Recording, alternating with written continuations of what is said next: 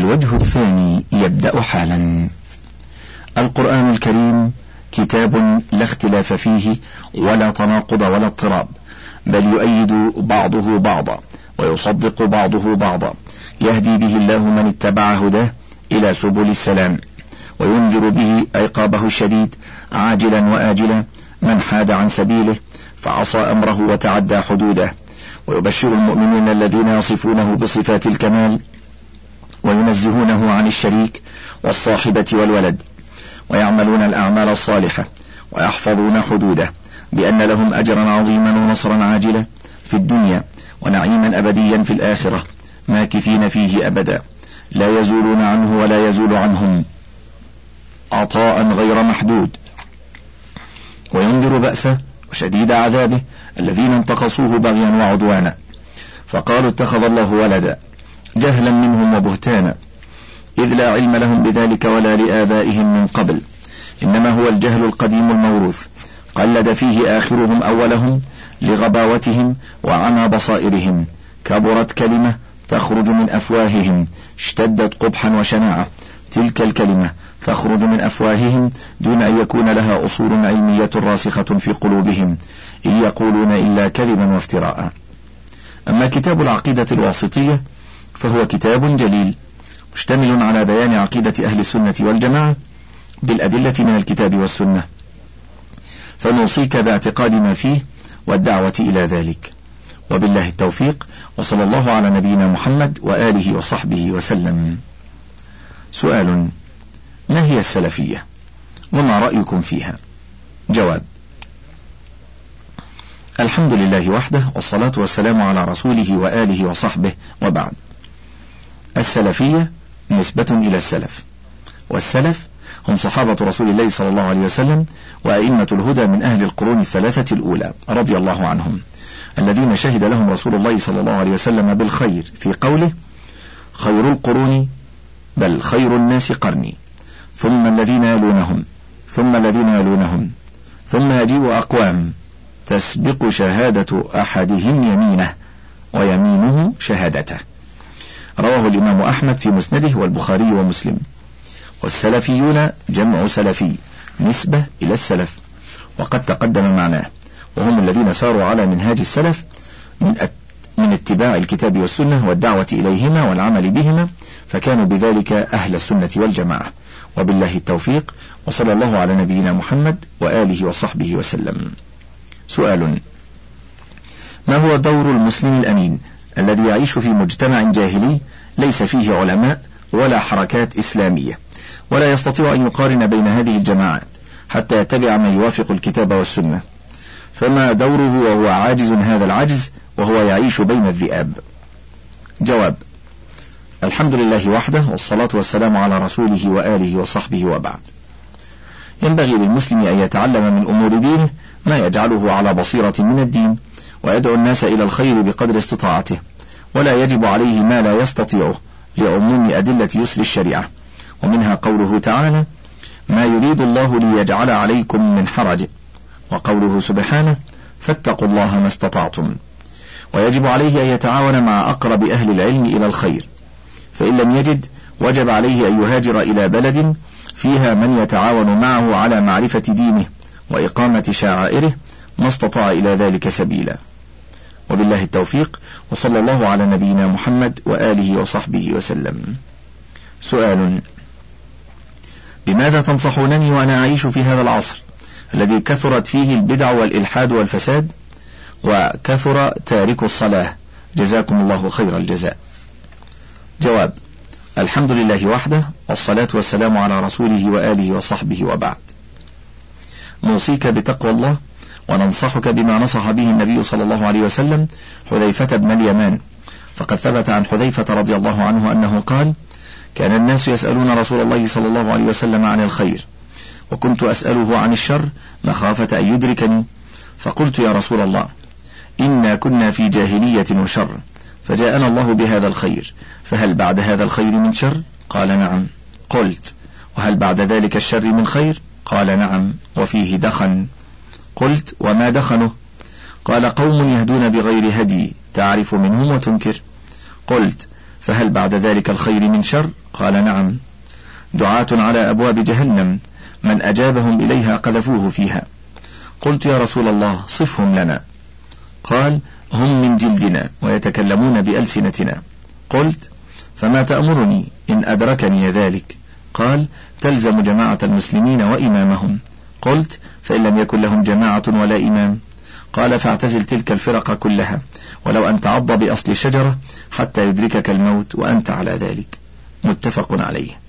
وبالله التوفيق وصلى الله على نبينا محمد وآله وصحبه وسلم. سؤال كيف نحقق وحدة إسلامية؟ لأمة إسلامية في عصرنا هذا. ونحن نرى ونسمع كل يوم بمسلم يقتل أخاه المسلم. مثال ما يسمى بمنظمة التحرير الفلسطينية وما يجري فيها العراق مع إيران وما بينهما وغيرهم من بقية أمتنا العربية المشتتة التي اتفقت على ألا تتفق. جواب الحمد لله وحده والصلاة والسلام على رسوله وآله وصحبه وبعد. تحقيق الوحدة الإسلامية يكون بما تحققت به في عهد النبي صلى الله عليه وسلم. من العقيدة الصحيحة والإيمان الصادق والعمل بكتاب الله تعالى وبسنة نبينا محمد صلى الله عليه وسلم والدعوة إليه والصبر على الأذى فيه. وبالله التوفيق. وصلى الله على نبينا محمد وآله وصحبه وسلم. سؤال. سمعت حديث رسول الله صلى الله عليه وسلم إن الله يبعث على رأس كل مئة عام من يصلح لهذه الأمة أمر دينها ولي بعض الاستفسارات. ألف. ما هو سند هذا الحديث؟ ومتنه الصحيح ومن هو راويه؟ باء ذكر هؤلاء الصالحين إن أمكن ذلك. جيم ما معنى يصلح أمر الدين وقد تركنا رسول الله صلى الله عليه وسلم على المحجة البيضاء؟ دال كيف يستدل عليهم؟ هاء ما مدى صحة القول؟ إنهم يأتون على رأس الثانية عشرة من كل قرن هجري.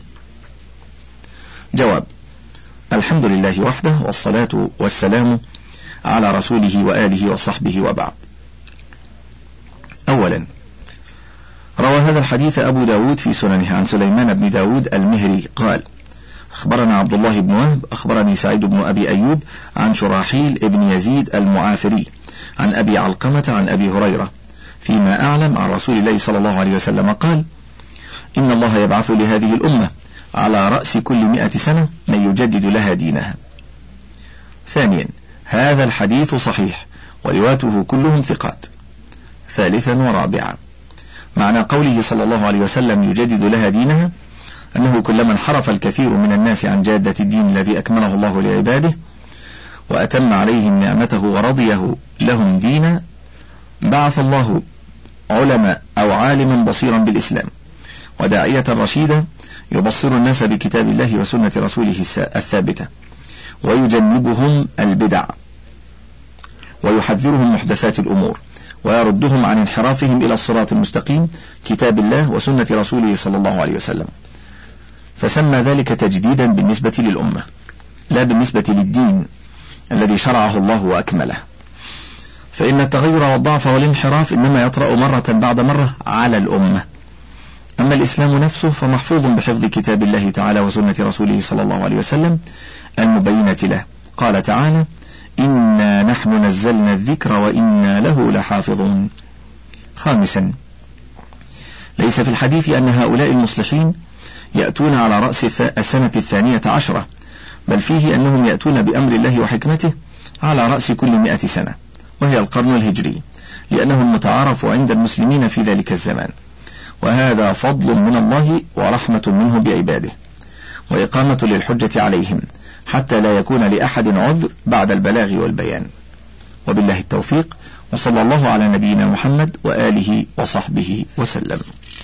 سؤال أرجو من فضيلتكم أن تبينوا لنا معنى قول الرسول صلى الله عليه وسلم بدأ الإسلام غريبا وسيعود غريبا كما بدأ فهل معنى هذا أنه سيعود له المجد والهيمنة والسلطان كما كان على عهد رسول الله صلى الله عليه وسلم؟ أم غير ذلك؟ مع الوضع في الاعتبار حديث الرسول صلى الله عليه وسلم خير القرون قرني ثم الذين يلونهم ثم الذين يلونهم. فظاهر الحديث يدل على أن خير قرن الذي كان فيه الرسول صلى الله عليه وسلم وأنه لن يأتي قرن يساويه في الخير. والحديث الأول بدأ الإسلام كلمة كما بدأ التي في آخره تدل على أنه كما كان على عهد الرسول صلى الله عليه وسلم وعلى آله. ويسود الود والوئام بين المسلمين في هذه الصورة التي نراها في ذلك الزمان. هل يسود في زماننا هذا من اقتتال بين المسلمين وافتراق وبطش ذوي السلطان برجال الدين واستهزاء المجتمع منهم ومحاربتهم وغزو بلاد الغرب لبلاد المسلمين بثقافات هادمة وأفكار لا تصلح المسلمين وموديلات من اللباس تتكشف فيه عورات الكثيرات من المسلمات المتبرجات. أفيدوني إفادة شافية. أفادكم الله وأعانكم. جواب. الحمد لله وحده والصلاة والسلام على رسوله وآله وصحبه وبعد.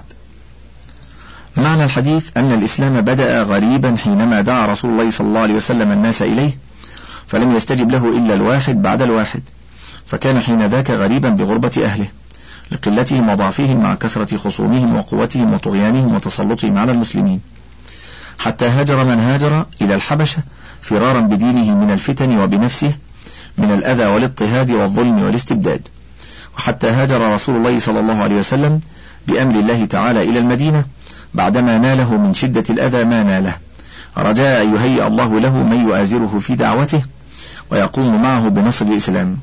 وقد حقق الله رجاءه فأعز جنده ونصر عبده.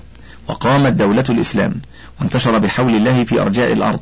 وجعل سبحانه كلمة الكفر هي السفلى وكلمة الله هي العليا. والله عزيز حكيم. ولله العزة ولرسوله وللمؤمنين. واستمر الأمر على ذلك ردحا من الزمن. ثم بدأ التفرق والوهن ودب بين المسلمين دبيب الضعف والفشل شيئا فشيئا. حتى عاد الإسلام غريبا كما بدأ. لكن ليس ذلك لقلتهم فإنهم يومئذ كثير. وإنما ذلك لعدم تمسكهم بدينهم واعتصامهم بكتاب ربهم وتنكبهم هدي رسول الله صلى الله عليه وسلم. إلا من شاء الله. فشغلهم بأنفسهم وبالإقبال على الدنيا فتنافسوا فيها كما تنافس من كان قبلهم وتناحروا فيما بينهم على إماراتها وتراثها. فوجد أعداء الإسلام المداخل عليهم وتمكنوا من ديارهم ورقابهم فاستعمروها وأذلوا أهلها وساموهم سوء العذاب. هذه هي غربة الإسلام التي عاد إليها كما بدأ بها. وقد رأى جماعة منهم محمد رشيد رضا أن في الحديث بشارة بنصرة الإسلام بعد غربته الثانية. آخذين ذلك من التشبيه في قوله صلى الله عليه وسلم وسيعود غريبا كما بدأ. فكما كان بعد الغربة الأولى عز للمسلمين وانتشار للإسلام فكذا سيكون له بعد الغربة الثانية نصر وانتشار.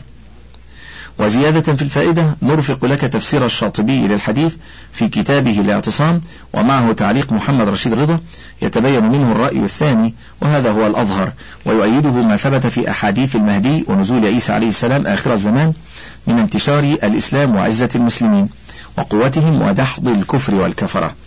وبالله التوفيق وصلى الله على نبينا محمد وآله وصحبه وسلم. سؤال ما معنى حديث الرسول صلى الله عليه وسلم؟ سألت ربي عز وجل ثلاث خصال فأعطاني اثنتين ومنعني واحدة. سألت ربي ألا يهلكنا بما أهلك به الأمم فأعطانيها. فسألت ربي عز وجل ألا يظهر علينا عدوا من غيرنا فأعطانيها. فسألت ربي ألا يلبسنا شيعا فمنعنيها. جواب الحمد لله وحده والصلاة والسلام على رسوله وآله وصحبه وبعد. الحديث رواه الترمذي وقال حديث حسن صحيح والنسائي واللفظ له ورواه مسلم من حديث ثوبان رضي الله عنه. ومعنى الحديث أن النبي صلى الله عليه وسلم سأل ربه عز وجل ثلاث مسائل لأمته. الأولى ألا يهلكهم بما أهلك به الأمم من الغرق والريح والرجفة وإلقاء الحجارة من السماء وغير ذلك من أنواع العذاب العظيم العام. والثانية عدم ظهور عدو عليهم من غيرهم فيستبيح بيضتهم. والثالثة عدم لبسهم شيعا والتلبيس الاختلاط والاختلاف بالأهواء. والشيعة جمع شيعة وهي الفرقة. وقد أخبر النبي صلى الله عليه وسلم أن ربه عز وجل تفضل عليه واستجاب له في الأولين ومنعه الثالثة لحكمة يعلمها تبارك وتعالى. وبالله التوفيق وصلى الله على نبينا محمد وآله وصحبه وسلم. سؤال هل من فضائل هذه الأمة شهادتهم على الأمم يوم القيامة؟ جواب الحمد لله وحده والصلاة والسلام على رسوله وآله وصحبه وبعد. نعم. وصلى الله على نبينا محمد وآله وصحبه وسلم. سؤال يقول الناس إن ابن تيمية ليس من أهل السنة والجماعة وإنه ضال مضل وعليه ابن حجر وغيره هل قولهم صدق أم لا؟ جواب الحمد لله وحده والصلاة والسلام على رسوله وآله وصحبه وبعد. إن الشيخ أحمد بن عبد الحليم ابن تيمية إمام من أئمة أهل السنة والجماعة يدعو إلى الحق وإلى الطريق المستقيم. قد نصر الله به السنة وقمع به أهل البدعة والزيغ ومن حكم عليه بغير ذلك فهو المبتدع الضال المضل قد عميت عليهم الأنباء. فظنوا الحق باطلا والباطل حقا. يعرف ذلك من أنار الله بصيرته وقرأ كتبه وكتب خصومه وقارن بين سيرته وسيرتهم. وهذا خير شاهد وفاصل بين الفريقين. وبالله التوفيق. وصلى الله على نبينا محمد وآله وصحبه وسلم. سؤال. قال لي بعض الناس إن هناك الوهابية. فقلت لهم إنه ليس هناك وهابية. وإنما هي دعوة أطلقها الأشراف ليبعدوا الناس عن الدعوة الإصلاحية. ولكن أحدهم قال لي إن الشيخ محمد بن عبد الوهاب كان فعلا مصلحا دينيا ولكنه انحرف في آخر حياته حيث رفض بعض الأحاديث النبوية الصحيحة لأنها لا توافق رأيه. فما هو قولكم؟ جواب الحمد لله وحده والصلاة والسلام على رسوله وآله وصحبه وبعد. الشيخ محمد بن عبد الوهاب رحمه الله من أكبر الدعاة إلى السلفية والعقيدة السليمة والمنهج القويم وكتبه رحمه الله حافلة بذلك. وما ذكرت من أن أحد خصوم دعوته قال لك إن الشيخ انحرف في آخر حياته حيث رفض بعض الأحاديث الصحيحة لأنها لا توافق رأيه فهو كذب وافتراء على الشيخ. فقد توفي وهو من أشد الناس احتراما للسنة وتقبلا لها بل ودعوة إليها. رحمه الله. وبالله التوفيق وصلى الله على نبينا محمد وآله وصحبه وسلم. سؤال ما هي الوهابية؟ جواب الحمد لله وحده والصلاة والسلام على رسوله وآله وصحبه وبعد. الوهابية لفظة يطلقها خصوم الشيخ محمد بن عبد الوهاب رحمه الله على دعوته إلى تجريد التوحيد من الشركيات ونبذ جميع الطرق إلا طريق محمد بن عبد الله صلى الله عليه وسلم. ومرادهم من ذلك تنفير الناس من دعوته وصدهم عما دعا إليه. ولكن لم يضرها ذلك بل زادها انتشارا في الآفاق وشوق إليها من وفقهم الله إلى زيادة البحث عن ماهية الدعوة وما ترمي إليه وما تستند عليه من أدلة الكتاب والسنة الصحيحة فاشتد تمسكهم بها وعضوا عليها وأخذوا يدعون الناس إليها ولله الحمد. وبالله التوفيق وصلى الله على نبينا محمد وآله وصحبه وسلم. سؤال ما رأيكم في كتابي شيخ الإسلام ابن تيمية رحمه الله منهاج السنة وشرح حديث النزول؟ جواب الحمد لله وحده والصلاة والسلام على رسوله وآله وصحبه وبعد. هذان الكتابان من خير الكتب علما واستدلالا وحسن بيان وقوة في رد الباطل ونصرة الحق وسلامة العقيدة. ولا يوجد كتاب في الرد على الرافضة فيما نعلم مثل كتاب منهاج السنة. ولا كتاب في شرح حديث النزول أكمل من كتابه في شرح حديث النزول فيما نعلم. وبالله التوفيق وصلى الله على نبينا محمد وآله وصحبه وسلم. سؤال ما الكتب المفيدة في فهم العقيدة؟ جواب الحمد لله وحده والصلاة والسلام على رسوله وآله وصحبه وبعد. تختلف الكتب المفيدة في فهم العقيدة وغيرها باختلاف الناس في فهمهم وثقافاتهم ودرجاتهم العلمية. وعلى كل أن يسترشد في ذلك بمن حوله من العلماء الذين يعرفون حاله وقوة إدراكه وتحصيله للعلوم. ومن الكتب النافعة في العقيدة إجمالا العقيدة الواسطية بشروحها وشرح العقيدة الطحاوية وكتاب التوحيد للشيخ محمد بن عبد الوهاب مع شرحه فتح المجيد وشرحه أيضا تيسير العزيز الحميد. وكشف الشبهات وثلاثة الأصول كلاهما للشيخ محمد بن عبد الوهاب. والتدمرية والحموية كلاهما لشيخ الإسلام ابن تيمية. وكتاب التوحيد لابن خزيمة. والقصيدة النونية مع شرحها. مع العلم بأن أعظم الكتب وأشرفها هو كتاب الله العظيم وفيه أوضح بيان للعقيدة الصحيحة وبيان بطلان ما يخالفها. فنوصيك بالإكثار من تلاوته وتدبر معانيه. ففيه الهدى والنور والدعوة إلى كل خير والتحذير من كل شر. كما قال تعالى إن هذا القرآن يهدي للتي هي أقوم الآية. وبالله التوفيق وصلى الله على نبينا محمد وآله وصحبه وسلم. سؤال أريد اتباع منهج في العقيدة بعد أن عرفت أمور ديني من صلاة وصيام. والحمد لله درست التوحيد للشيخ محمد بن عبد الوهاب والواسطية لشيخ الإسلام ابن تيمية. فهل تدلوني على المنهج القويم في الدراسة الجادة؟ جواب الحمد لله وحده والصلاة والسلام على رسوله وآله وصحبه وبعد. نرجو من الله أن يزيدك بصيرة وعلما إلى ما لديك وننصحك بقراءة كتب العقيدة السلفية منها ما ذكرته في سؤالك ومنها شروح العقيدة الواسطية. وشرح العقيدة الطحاوية. وشرح كتاب التوحيد المسمى فتح المجيد للشيخ عبد الرحمن بن حسن وشرحه أيضا المسمى تيسير العزيز الحميد للشيخ سليمان بن عبد الله وكتاب الحموية وكتاب التدمرية لشيخ الإسلام ابن تيمية وكتاب التوحيد لابن خزيمة. كما نوصيك بأن تكون عنايتك بكتاب الله العظيم تلاوة وتدبرا أكثر من عنايتك بغيره لأنه أصدق كتاب وأشرف كتاب وأنفع كتاب. وبالله التوفيق وصلى الله على نبينا محمد وآله وصحبه وسلم. سؤال ما هي الكتب المفيدة التي تجب علينا مطالعتها حتى نفهم ديننا؟ جواب الحمد لله وحده والصلاة والسلام على رسوله وآله وصحبه وبعد.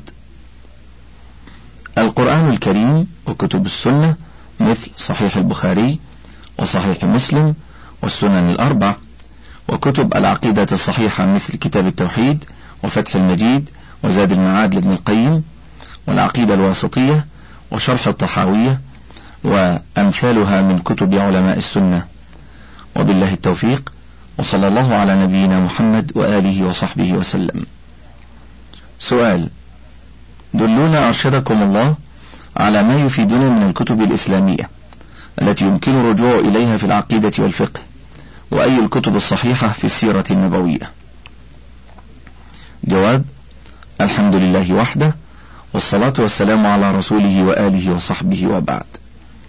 عليك بكتاب الله الكريم وسنة النبي صلى الله عليه وسلم كالصحيحين والسنن. ومن كتب التوحيد شرح الطحاوية وكتاب فتح المجيد شرح كتاب التوحيد. وفي السيرة والفقه كتاب زاد المعاد في هدي غير خير العباد كما نوصيك بقراءة كتب شيخ الإسلام أحمد بن تيمية وتلميذه ابن القيم. وبالله التوفيق وصلى الله على نبينا محمد وآله وصحبه وسلم. سؤال ما هو أفضل كتاب يبحث في التوحيد والعقائد الإسلامية؟ وكيف الحصول على ذلك؟ جواب الحمد لله وحده والصلاة والسلام على رسوله وآله وصحبه وبعد. أعظم كتاب وأفضل كتاب يوضح العقيدة الصحيحة هو كتاب الله عز وجل ثم أحاديث رسوله صلى الله عليه وسلم. ومن أحسن الكتب في ذلك كتاب فتح المجيد وكتاب العقيدة الواسطية وكتاب العلو للعلي الغفار وكتاب التوسل والوسيلة وكتاب مختصر الصواعق المرسلة. وكتاب تطهير الاعتقاد وشرح الطحاوية. وبالله التوفيق وصلى الله على نبينا محمد وآله وصحبه وسلم. سؤال في الفترة الأخيرة التحيت وأصلي الفرائض وتمسكت بالسنة النبوية الشريفة. وعندنا في قريتنا يعتبرون المتمسك بالسنة متشددا في الدين. وترد عليهم فيقولون هلك المتنطعون. فمن هم المتنطعون؟ وهل يعتبر التمسك بالسنة تشددا؟ جواب الحمد لله وحده والصلاة والسلام على رسوله وآله وصحبه وبعد. احمد الله تعالى أن هداك إلى الحق واشكره أن وفقك إلى العمل به وبين لمن عارضك أن الإسلام سمح وأن الدين يسر وأن التنطع في الدين هو التكلف والغلو في العمل بالزيادة على ما شرع الله وأنك لم تزد وإنما تمسكت بما شرع الله فقط. وبالله التوفيق. وصلى الله على نبينا محمد وآله وصحبه وسلم. تصوف. سؤال. ما هي حقيقة التصوف؟ وهل في التصوف جوانب حسنة وجوانب سيئة؟ هل التصوف مفصول عن الفقه؟ أرجو من فضيلتكم التحدث إلي عن الحضارات النبوية التي توجد في المفهوم الصوفي وهل هي حقيقة؟ عندي في السودان بعض رجال المتصوفة يستدلون على بناء القباب على الميت بالقبة المشاهدة على قبر الرسول صلى الله عليه وسلم. ما حكم الدين في ذلك؟ ما هي حقيقة هذه الأسماء؟ الفوتي القطبي رجال الكون؟ في المفهوم الصوفي. جواب الحمد لله وحده والصلاة والسلام على رسوله وآله وصحبه وبعد. أولا اقرأ في ذلك كتاب مدارج السالكين لابن قيم الجوزية. وكتاب هذه هي الصوفية لعبد الرحمن الوكيل فيما يتعلق بمسائل التصوف. ثانيا ليس في إقامة القبة على قبر النبي صلى الله عليه وسلم حجة لمن يتعلل بذلك في بناء قباب على قبور الأولياء والصالحين لأن إقامة القبة على قبره لم تكن بوصية منه ولا من عمل أصحابه رضي الله عنهم ولا من التابعين ولا أحد من أئمة الهدى في القرون الأولى التي شهد لها النبي صلى الله عليه وسلم بالخير. إنما كان ذلك من أهل البدع. وقد ثبت أن النبي صلى الله عليه وسلم قال من أحدث في أمرنا هذا ما ليس منه فهو رد. وثبت عن علي رضي الله عنه أنه قال لأبي الهياج ألا أبعثك على ما بعثني عليه رسول الله صلى الله عليه وسلم؟ ألا تدع تمثالا إلا طمسته ولا قبرا مشرفا إلا سويته. رواه مسلم. فإذا لم يثبت عنه صلى الله عليه وسلم بناء قبة على قبره ولم يثبت ذلك عن أئمة الخير بل ثبت عنه ما يبطل ذلك لم يكن لمسلم أن يتعلق بما أحدثه المبتدعة من بناء قبة على قبر النبي صلى الله عليه وسلم. وبالله التوفيق وصلى الله على نبينا محمد وآله وصحبه وسلم. سؤال مشكلة التصوف ما معناه وما موقفه في الإسلام؟ أعني الطريقة التيجانية والقادرية والشيعة. تلك الطرق قد تركزت في نيجيريا فمثلا الطريقة التيجانية هناك صلاة تسمى صلاة البكرية. مبدأها اللهم صل على سيدنا محمد الفاتح لما أغلق إلى قوله حق قدره ومقداره العظيم. فهذه الصلاة قد أوتيت ميزة أفضل وأكبر من الصلاة الإبراهيمية. ولقد رأينا ذلك في كتابهم المسمى جواهر المعاني في الجزء الأول في الصفحة السادسة والثلاثين والمئة. وهل هذا صحيح؟ جواب الحمد لله وحده والصلاة والسلام على رسوله وآله وصحبه وبعد.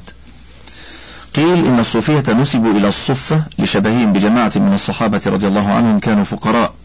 كانوا يأوون إلى صفة في المسجد النبوي وهذا ليس بصحيح. فإن النسبة إلى الصفة صفي بتشديد الفاء وياء النسب دون واو. وقيل نسبوا إلى صفوة لصفاء قلوبهم وأعمالهم وهذا خطر أيضا لأن النسبة إلى صفوة صفوي. ولأنهم تغلب فيهم البدع وفساد العقيدة. وقيل نسبوا إلى الصوف لأنه كان شعارا لهم في اللباس وهذا أقرب إلى اللغة وإلى واقعهم. وبالله التوفيق وصلى الله على نبينا محمد وآله وصحبه وسلم.